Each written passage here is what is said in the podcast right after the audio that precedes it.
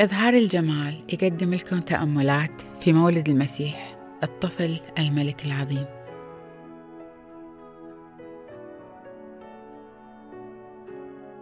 مريم العذراء وملاك الرب.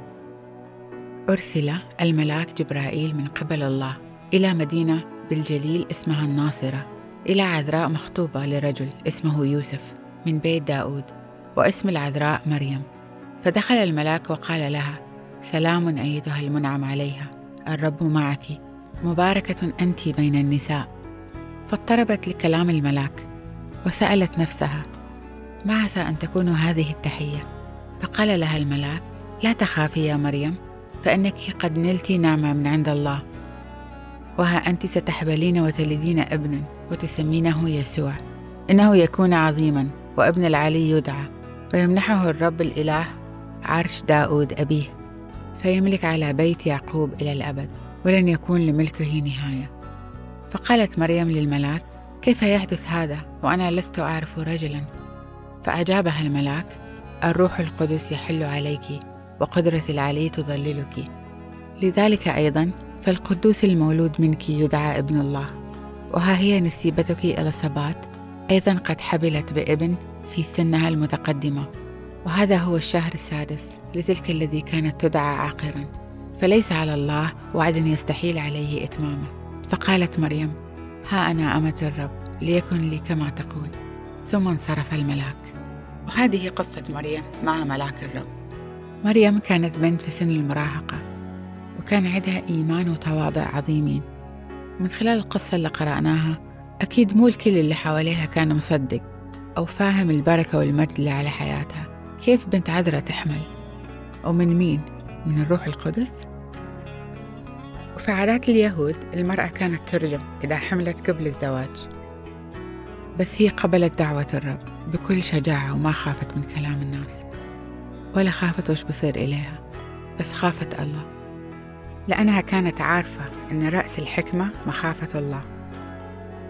خافت الله اللي دعاها أنها تكون أم لمخلص العالم. هذاك الوقت كانت كل امرأة تتمنى أنها تكون أم لمخلص العالم أم لمخلص الموعود اللي وعد بالرب إنه بيجي ويسحق رأس الحية. وذكرت نبوات كثيرة عنه.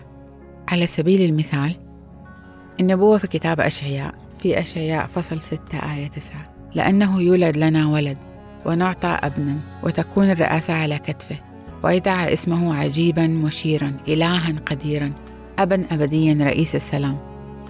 وفي آية ثانية في كتاب أشعياء تقول ولكن السيد يعطيكم نفسه آية هل عذراء تحبل وتلد ابنا وتدعو اسمه عمانوئيل؟ وكان في حوالي 300 نبوة في العهد القديم عن مجيء المسيح. ومريم أكيد كانت تحس إنها كانت وحيدة وما حد فاهم عليها. وأكيد مو كل اللي حواليها كانوا مصدقينها. ما حد فاهم وش الله قاعد يسوي في حياتها. بس الله لما يدعينا عشان نخدمه ونشترك معاه في عمل العظيم لملكوت المجيد هو دائما يدعي الناس آخرين يكونوا فاهمينه وماشيين معانا ويكونوا جزء من هذه الدعوة. وزي ما نشوف في قصة مريم إن الله ما تركها لوحدها بس اختار إلى صبات إنها تكون سند إليها. وكانوا ثنتينهم حمل في نفس الوقت. ورغم إيمان مريم وسنها الصغير هي أكيد كانت محتاجة أحد أكبر منها.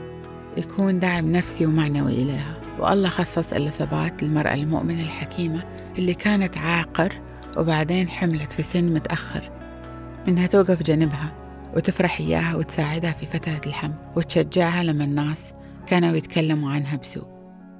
لما نقبل دعوة الله على حياتنا الله يرتب كل شيء لنا ويوفر كل اللي نحتاجه من دعم سواء كان معنوي أو روحي أو نفسي. هو يبغانا نقبل الدعوة بخضوع وإيمان. حتى لو ما كنا فاهمين كل شيء يخص الدعوة السماوية في الاشتراك مع المسيح في عمل الملكوت. هو ينتظر منا نقول نعم يا رب لتكن مشيئتك. وهو اللي راح يكمل العمل الباقي. شكرا لمتابعتكم لبودكاست إظهار الجمال. تابعونا على صفحة الإنستغرام. أحب أسمع منكم وأتواصل معكم أنا أخذكم سهر. أشوفكم في البودكاست الجاي. وفي أمان المسيح.